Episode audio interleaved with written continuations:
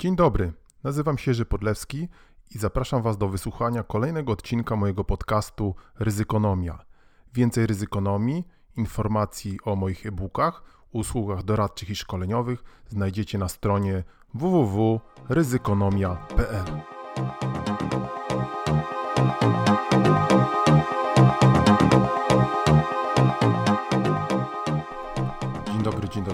dobry. Kolejny odcinek podcastu Ryzykonomia. Cieszymy się. Mam nadzieję, że Wy też się cieszycie. Dzisiaj będziemy mm, podejmowali kolejny temat, ale jest on w pewnym sensie kontynuacją już wcześniej podjętego przez nas, podjętej przez nas opowieści o standardach zarządzania ryzykiem, czyli takich uporządkowanych, sensownych, sprawdzonych sposobach podejścia do mm, problemu organizacji zarządzania ryzykiem gdziekolwiek w przedsiębiorstwie, na polu, w sektorze publicznym, gdzie tylko możemy sobie wymarzyć i gdzie to zarządzanie ryzykiem ma sens, czyli wszędzie. Ale zanim przejdziemy, jeszcze kilka e, nowości, kilka uaktualnień. E, część z Was, mam nadzieję, miała okazję już wejść na naszą nową stronę Ryzykonomia www.ryzykonomia.pl E, nowa, stara strona, nowa, ponieważ ma ona zupełnie nową formułę graficzną, została przebudowana. No, co prawda, jeszcze mogą się tam jakieś nowe rzeczy dziać, ale myślę, że już mogę Wam teraz tą stronę e, polecić. E, zapraszamy, żebyście zajrzeli. Bardzo jestem ciekaw też Waszych opinii. W tej, na tej stronie znajdziecie nowy podział na takiej górnej belce pogrupowane różnego rodzaju artykuły, które, które już napisaliśmy, które no właściwie to ja napisałem.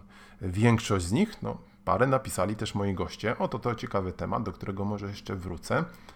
W każdym bądź razie tych artykułów jest już dobrze ponad 700. No w końcu ryzykonomia jest już pisana od 2009 roku. Wyobraźcie sobie, sam jestem e, tutaj pełen podziwu, no chyba dla siebie. No więc znajdziecie tam e, takie podziały, takie grupy e, do poczytania o ryzyku biznesowym, o ryzyku nowych technologii, czyli IT, cyber, wszystko co tylko można tutaj sobie wymarzyć. Ryzyka polityczne, wiecie, że mówiłem o tym i zawsze podkreślam rolę tych ryzyk politycznych. Ryzyko regulacji, czyli te kwestie związane z szeroko rozumianym compliance i non-compliance. Ryzyko kryzysu, no też kryzysów nam nie brakuje. No i parę innych ryzyka, ry, ryzykonomicznych artykułów i nawet taką, e, można powiedzieć, rubrykę, rubryczkę, którą gdzieś tam sobie e, ulubiliśmy, taką ryzykomanię po godzinach, gdzie zamieszczamy artykuły i teksty na tematy różne i czasami również swoje jakieś krótkie opowieści i science fiction i science fi nie science fiction, także, e, także zaglądajcie. Znajdziecie też na tej stronie możliwość odsłuchania kolejnych odcinków, oczywiście podcastów w playerze, co tu jeszcze widzimy, y, zapisy na newsletter Ryzykonomii, oczywiście zachęcamy, jest ponad 600 subskrybentów, czekamy na kolejnych.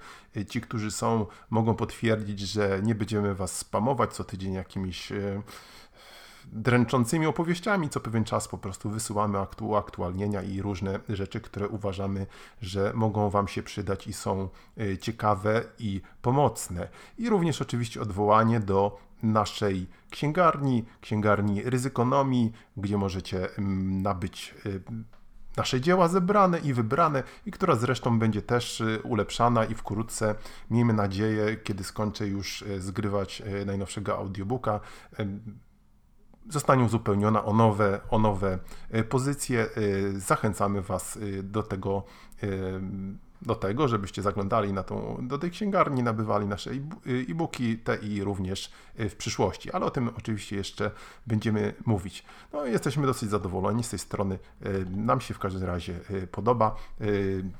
Czekamy też na Wasze uwagi i oczywiście na Wasze, na wasze czytelnictwo chyba tej strony, tak?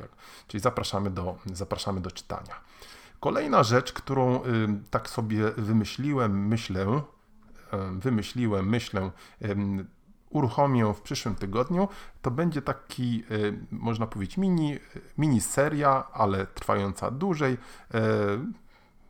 teraz i, i jeszcze dłużej, dotycząca, dotycząca takiego mojego spojrzenia na ryzyka, nazwijmy go tygodniowym przeglądem ryzyk, czyli nagrywane na gorąco moje uwagi, obserwacje do tego, jakie, co do tego, jakie ryzyka się pojawiły w, kolejnym, w kolejnych tygodniach artykuły, spostrzeżenia, spojrzenia na, na to, co gdzieś tam zauważyłem, czasami również idąc po ulicy.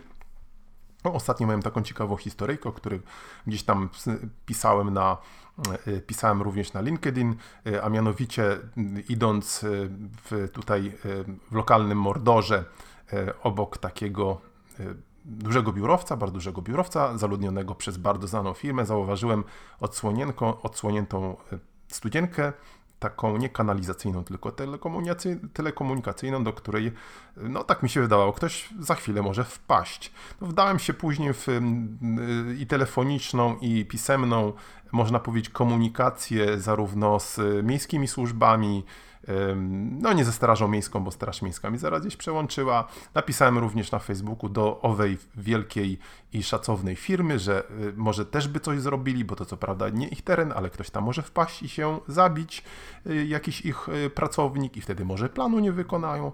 No i po pewnym czasie, trochę czasu minęło, e, zauważyłem, że wreszcie ta e, studzienka została zasłonięta. E, no, może jakoś się tam przyczyniłem. Pewnie może i ona byłaby i tak zasłonięta, ale swój obywatelski obowiązek spełniłem, ryzykonomiczny i no to chyba jest najważniejsze, tak, żeby robić to, co się mówi, tak, i mówić to, co się robi. W końcu, jeżeli mówimy o ryzyku, to ta szeroko rozumiana kultura zarządzania ryzykiem, o której ja tu zawsze mówię i piszę na ryzykonomii, dotyczy nie tylko naszego życia biznesowego, ale społecznego, prywatnego pewnie też. W każdym bądź razie mm, stąd pewnie e, ta ryzykomania, tak? No bo kogo by to obchodziła jakaś odsłonięta, mm, odsłonięta studzienka, a wydaje mi się, że jeżeli będziemy działali razem, e, to wtedy możemy wielu mm, ryzykom zapobiec, które wcale nie są jakimiś czarnymi łabędziami. No to taka y, krótka anegdotka. Także y, spodziewajcie się już niedługo y, nowej, nowego cyklu, który będzie się gdzieś tam pojawiał, a co też pewnie da jakby częstszą słuchalność, mamy nadzieję, naszego podcastu, bo widzimy i, i, i bardzo się z tego cieszymy, że podcast jest słuchany. A teraz już przechodzimy do tak zwanego adremu, czyli do naszego głównego tematu, czyli frameworku zarządzania ryzykiem. No właśnie, czym jest ów framework, czym są frameworki? To jest słowo dosyć popularne, tak mi się wydaje ostatnio w biznesie. Framework, czyli takie y, bezpośrednie tłumaczenie, struktura ramowa. Zresztą ona się pojawia gdzieś tam pewnie w obszarze mojego zainteresowania i pewnie tylko mojego, przy standardach COSO, o których będę jeszcze mówił, czyli tych amerykańskich standardach kontroli wewnętrznej. O, to bardzo ciekawy temat, bo kontrolę wewnętrzną wymienia się zazwyczaj i w regulacjach, i w rozmowach dotyczących e, także zarządzania ryzykiem jednym tchem. Właśnie to jest nawet taki pewien zbitek pojęciowy, kontrola wewnętrzna i zarządzanie ryzykiem. W swoim czasie popełniłem pewne teksty dotyczące właśnie tej zbitki, również dyskutując, czy to tak powinno być, ale pewnie tak powinno być. Dobrze, żeby było. Y, no właśnie, KOSO 1 zarządzanie ryzykiem struktura ramowa, kontrola wewnętrzna struktura ramowa. No, tajemnicze dosyć hasło. Czym jest owa struktura ramowa? I pewnie można by tutaj znaleźć różnego rodzaju definicje, ale ja przytoczę taką definicję, którą powiedział, usłyszałem od pewnego mądrego człowieka, i on powiedział, nie wiem czy to był Kevin Knight czy Grant Purdy, czyli dwaj tacy bardzo znani konsultanci i guru, można powiedzieć, zarządzania ryzykiem, ale nie tylko zarządzania ryzykiem. jeden z nich powiedział kiedyś takie mądre słowo, że, że struktura ramowa to przynajmniej w przypadku zarządzania ryzykiem, to jest to, to jest y, sposób, w jaki zarządzanie ryzykiem dzieje się w organizacji. Dzieje się. Czyli kto co robi, jak to robi, kiedy to robi i oczywiście po co to robi. Nie jest to wbrew pozorom sytuacja, nie jest to wbrew pozorom e, małe wyzwanie. E, ta organizacja zarządzania ryzykiem i organizacja jakiegokolwiek innego frameworku, czyli struktury ramowej, e, ponieważ jak doświadczenie uczy i też mnie nauczyło moje własne doświadczenie, a przecież nie takie znowu skromne, no to dobre ustawienie tego frameworku to jest, y, można powiedzieć, 99% sukcesu. Tak jak kultura zarządzania ryzykiem to jest 99% sukcesu. Proces zarządzania ryzykiem, ludzie, pieniądze i tak dalej. No, to się pewnie nie dodaje, ale jest to na pewno bardzo, bardzo ważne i spore wyzwanie. No więc y, mówiąc o tej strukturze ramowej, ja się odniosę y, i to będzie pewna kontynuacja y, poprzedniego odcinka naszego podcastu. To był, zdaje się, odcinek trzeci. Tak, trzeci. O, omne trinum perfectum, każda trójca jest doskonała. I tam mówiłem, zacząłem mówić o standardzie ISO 31000 zarządzanie ryzykiem, zasady i wytyczne i poruszyłem właśnie tematykę, można powiedzieć, takiego pierwszego filaru zarządzania ryzykiem, takich złotych reguł zarządzania ryzykiem. Odsłuchajcie to proszę jeszcze raz, czy przypomnijcie sobie, bo to są bardzo mądre zasady. Ale drugim filarem zarządzania ryzykiem, akurat tak to zostało umieszczone w standardzie ISO 31000, ale struktury ramowe dotyczą nie tylko standardu ISO 31000, więc w drugim filarze twórcy tego standardu zarządzania ryzykiem umieścili właśnie strukturę ramową, czyli to, jak zarządzanie ryzykiem dzieje się, a raczej powinno się dziać w organizacji. No właśnie, jak one się powinno dziać. I tutaj pojawia się nam taki, e, można powiedzieć, graf, taki taka, taka struktura blokowa narysowana, na, którą możecie, możemy sobie obejrzeć właśnie w standardzie ISO 31000. I mówiąc krótko, jakbyście na nią spojrzeli, na takie można powiedzieć kilka kwadracików połączonych ze sobą takimi w taką pętlę, to od razu na pewno przypomni Wam się cykl Deminga. E, ci, którzy zajmują się zarządzaniem projektami, project management i eksperci od jakości i eksperci od lean management na pewno doskonale wiedzą, prawda? Im tego nie będą, nie będę, nie będę tłumaczył, czyli na chwilę mogą na przykład yy, siorbnąć sobie kawy, albo y, no cóż innego mogą robić, podrapiać się po głowie i tutaj oczywiście wytężyć, wytężyć u, u, uszy, co też ten ryzykonomista będzie tutaj plut o cyklu Deminga, kiedy my tutaj w cykl Deminga to mamy w małym palcu. No więc ja tutaj sobie jeszcze spojrzałem, kim był ów pan Deming, William Edwards Deming, amerykański statystyk, który y, zasłynął tym, że I to chyba jest najważniejsze, można powiedzieć, jego wkład i y, y, część jego życia, z czego jest sławny, sławny. To zresztą okazało się po pewnym czasie, bo nikt nie wiedział wcześniej, że się stał już sławny robiąc te właśnie rzeczy, o których za chwilę powiem. No więc on po 1947 roku, po wojnie, pojechał do Japonii i wniósł, jak tutaj podają źródła, olbrzymi wkład, czy duży wkład w zastosowaniu różnego rodzaju metod statystycznych do e, zarządzania produkcją, do zarządzania przedsiębiorstwami. E, Japończycy to podchwycili, jak e, wiemy, bardzo skutecznie, wprowadzając różne nowoczesne metody zarządzania, chociażby Toyota Production System, no właśnie ta Toyota. W każdym razie Deming, o dziwo, Amerykanin właśnie po, po, położył podwaliny, między innymi wprowadzając właśnie ów cykl Deminga, y, który jest takim, można powiedzieć, sposobem na sensowne, oho, no proszę, jakieś ryzyko nam się tutaj przetoczyło. No więc Deming, ten jego cykl Deminga jest takim, można powiedzieć, sposobem na sensowne, rozsądne zaplanowanie robienia czegokolwiek. Więc nie dotyczy tylko zarządzania ryzykiem, tak? Zwany jest też również, chociaż tu znowu na pewno uczeni eksperci mnie będą tutaj yy, poprawiali, jako cykl PDCA, czyli Plan, Do, Check, Act. Z tego, co oczywiście części wiadomo, są różne, różne odmiany. To jest, zdaje się, taka wersja kanoniczna, dla mnie całkowicie sensowna. I taką wersję tego Plendu Check Act, standardu Deming, przepraszam, cyklu Deminga znajdziemy właśnie do, jako, można powiedzieć, poradę, jak sobie poradzić z zaplanowaniem owej struktury ramowej zarządzania ryzykiem. Jak więc mielibyśmy się zabrać do wprowadzenia tej struktury ramowej dotyczącej właśnie struktury ramowej naszego zarządzania ryzykiem w naszej organizacji, w przedsiębiorstwie, w sektorze publicznym, w sektorze non-profit, gdziekolwiek nam się to wymarzy. No, cykl Deminga jest, tak jak powiedziałem, całkiem sensownym e, ułożeniem zorganizowanego działania i on e, przynajmniej w standardzie ISO 31000, zaczyna się od takiego kroku, który się nazywa upoważnienie i zaangażowanie. Inaczej zdobycie też upoważnienia i zaangażowania, tak, tak to należy rozumieć. E, zdobycie czyjego? No przede wszystkim zdobycie upoważnienia i zaangażowania zarządzających, kierownictwa organizacji. To jest zresztą sprawa bardzo, bardzo ważna i tak e, również e, ja to doświadczyłem, że zdobycie upoważnienia który może mieć charakter pisemny, który może, mieć, może być na mailu. Najlepiej pisemny, tak. Wydaje mi się, że najlepiej pisemny, bo to nam daje możliwość później używania, można powiedzieć, takiego, takiego naszego oficjalnego mandatu, tak, ale w sensie mandatu jako, jako właśnie upoważnienia do przekonywania i wspierania naszych, y, naszych wysiłków. Więc to zdobycie tego upoważnienia i jeszcze zaangażowania, co więcej, kierownictwa firmy wcale nie jest takie łatwe. Znowu moje doświadczenia są takie, że przy zresztą jakichkolwiek zmianach organizacyjnych, a przy zarządzaniu ryzykiem może jeszcze bardziej, no nie zawsze ci kierownicy są albo zainteresowani w ogóle y, zmianami, ani mają czas, bo jak wiecie, oni zazwyczaj na nic nie mają czasu, bo coś tam robią, czasami nie wiadomo za bardzo coś, ale coś bardzo ważnego mają tysiąc spotkań, więc dlaczego mieliby się zajmować zmianami swojej organizacji?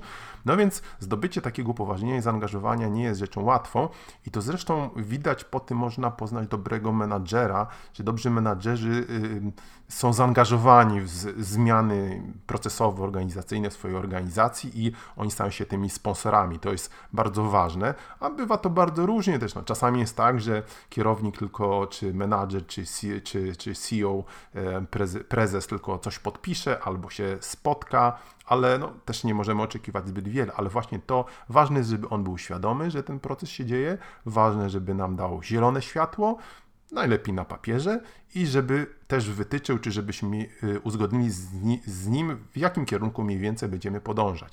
Można sobie oczywiście wyobrazić taką sytuację, że to upoważnienie zdobędziemy na jakimś niższym szczeblu, na przykład dyrektora finansowego, no to nie jest źle, ale mimo wszystko absolutnie będę się tutaj upierał, że to powinien być y, naczelny, naczelny całej organizacji i tacy naczelni są, ale są oczywiście też tacy, którzy nam wpadają na 5 minutek, na nic nie mają czasu, coś podpiszą i później, kiedy my próbujemy wprowadzać jakąkolwiek zmianę, na przykład zarządzanie ryzykiem, to się okazuje, że, że jakoś to w ogóle dziwnie, mało, mało to kogo obchodzi. E, oczywiście, jeżeli e, jest jeszcze taki jeszcze bardziej światły kierownik, menadżer, który się będzie nieustannie w ten proces, e, można powiedzieć, włączał, no to już zupełnie, zupełnie świetnie to jest wtedy bardzo dobry menadżer. No właśnie, czyli miejmy nadzieję, że zdobyliśmy upoważnienie i zaangażowanie naszego kierownictwa i teraz możemy jakby wejść w tą taką, można powiedzieć, strukturę zwrotną, w taką pętlę, same creme, creme de la creme, tak, chyba to dobrze jest po francusku.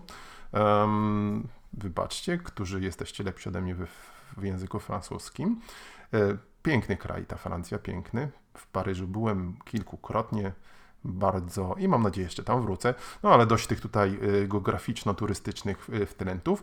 My mówimy o cyklu PDCA, a więc te, teraz możemy wejść w pierwszy krok, który nazywa się w standardzie ISO 37000 projektowanie struktury ramowej zarządzania ryzykiem, czyli to jest ten plan, tak? Plan, planowanie, no, planowanie jest rzeczą bardzo ważną, może najważniejszą w zarządzaniu ryzykiem, stanowi 99% sukcesu, podobnie jak 99% stanowi kultura zarządzania ryzykiem. W każdym bądź razie jest to rzecz niesłychanie ważna.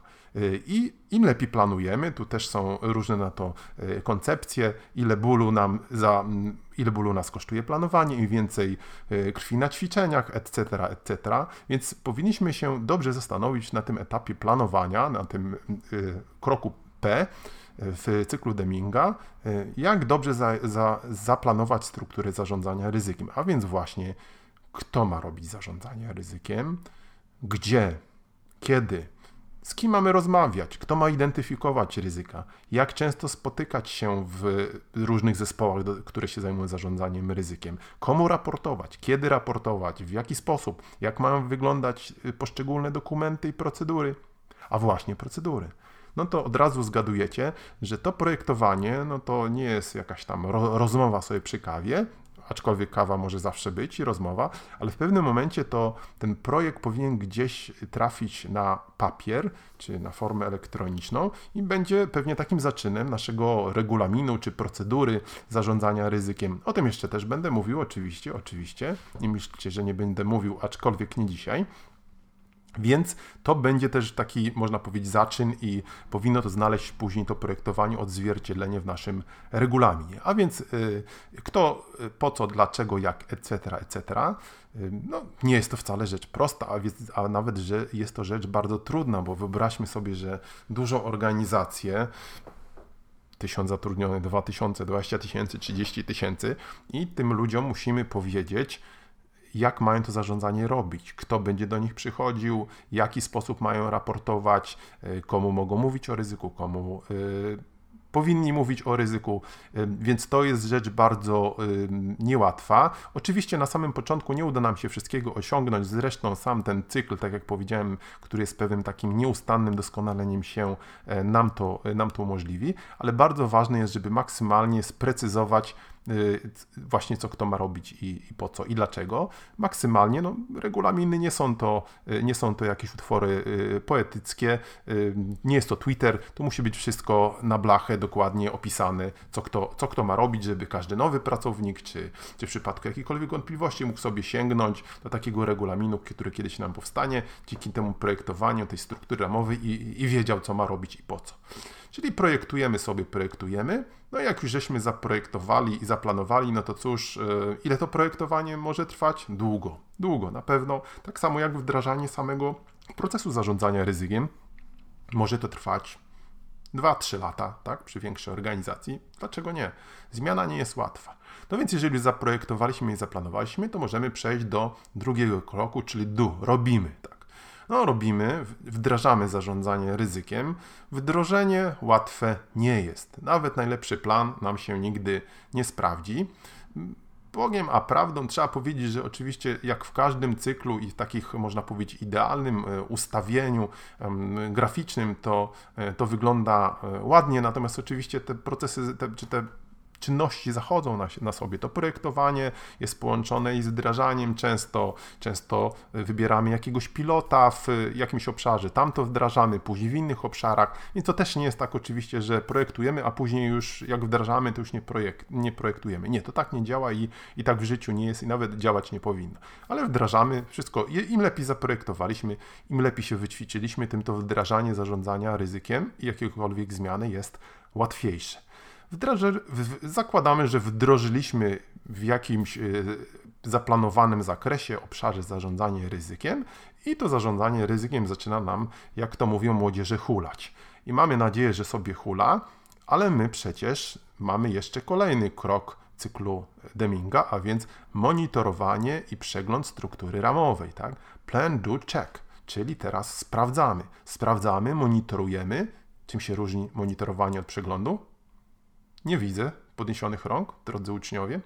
Y, monitorowanie oczywiście, no macie rację, tak. Monitorowanie monitorujemy nieustannie, tak, codziennie. No. O zgrozo patrzymy na te ryzyka i myślimy, kto nam to tutaj wepchnął, pewnie ten ryzykonomista, a mieliśmy takie piękne życie, nie musieliśmy monitorować żadnych ryzyk, ich nie było. No więc monitorujemy, wybaczcie mi trochę tutaj te sardoniczne y, żarciki, y, monitorujemy nieustannie, monitoruje ryzyka cała, cała, e, cała załoga, cała, wszyscy pracownicy przedsiębiorstwa, oczywiście nie w ten sposób, że nieustannie patrzą i tylko myślą o ryzykach, ale zdają sobie sprawę, że, że powinni, można powiedzieć, mieć wyczulone tutaj spojrzenie na ryzyka, a przegląd, przegląd odbywa się co pewien czas struktury ramowej, tak, struktury ramowej, czyli klasycznie na pewno powinien się odbywać przegląd takiej struktury ramowej co roku na pewno nie rzadziej, czyli raz do roku powinniśmy przejrzeć, co wymyśliliśmy,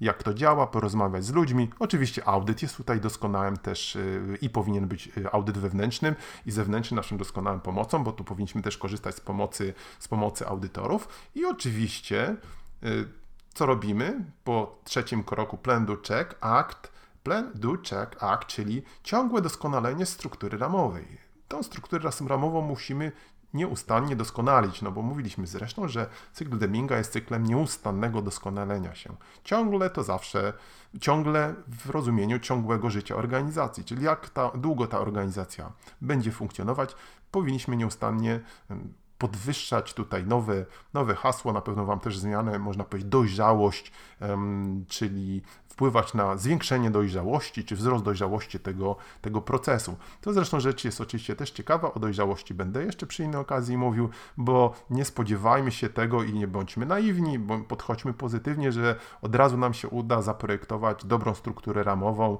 dobrą w ogóle strukturę, dobry proces. Tak nigdy nie jest i trzeba podchodzić do tego pozytywnie, bo wielu rzeczy będziemy się uczyli po prostu, można powiedzieć, w praniu, w walce, ale właśnie cykl Deminga, Plan, Do, Check, Act, planuj, e, planuj działaj, e, sprawdzaj e, i znowu sprawdzaj.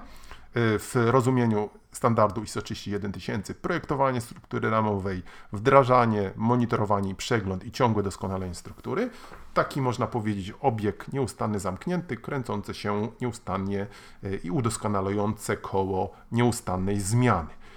I to powinno się dzia, dziać, można powiedzieć, e, nieustannie i zwiększać naszą dojrzałość, doskonałość tego systemu. I mniej więcej zależność jest taka, i są to na to dowody również empiryczne, że im wyższa doskonałość systemu zarządzania ryzykiem, im bardziej on jest udoskonalony, tym organizacja na tym zyskuje i pod względem finansowym, organizacyjnym, operacyjnym i wszystkich innych możliwych. To byłoby na tyle dzisiaj na temat struktury ramowej zarządzania ryzykiem. Wkrótce wracamy z naszym tygodniowym przeglądem ryzyk i z kolejnymi tematami. Słuchajcie nas, polecajcie nas. Bye, bye, bye, bye, bye.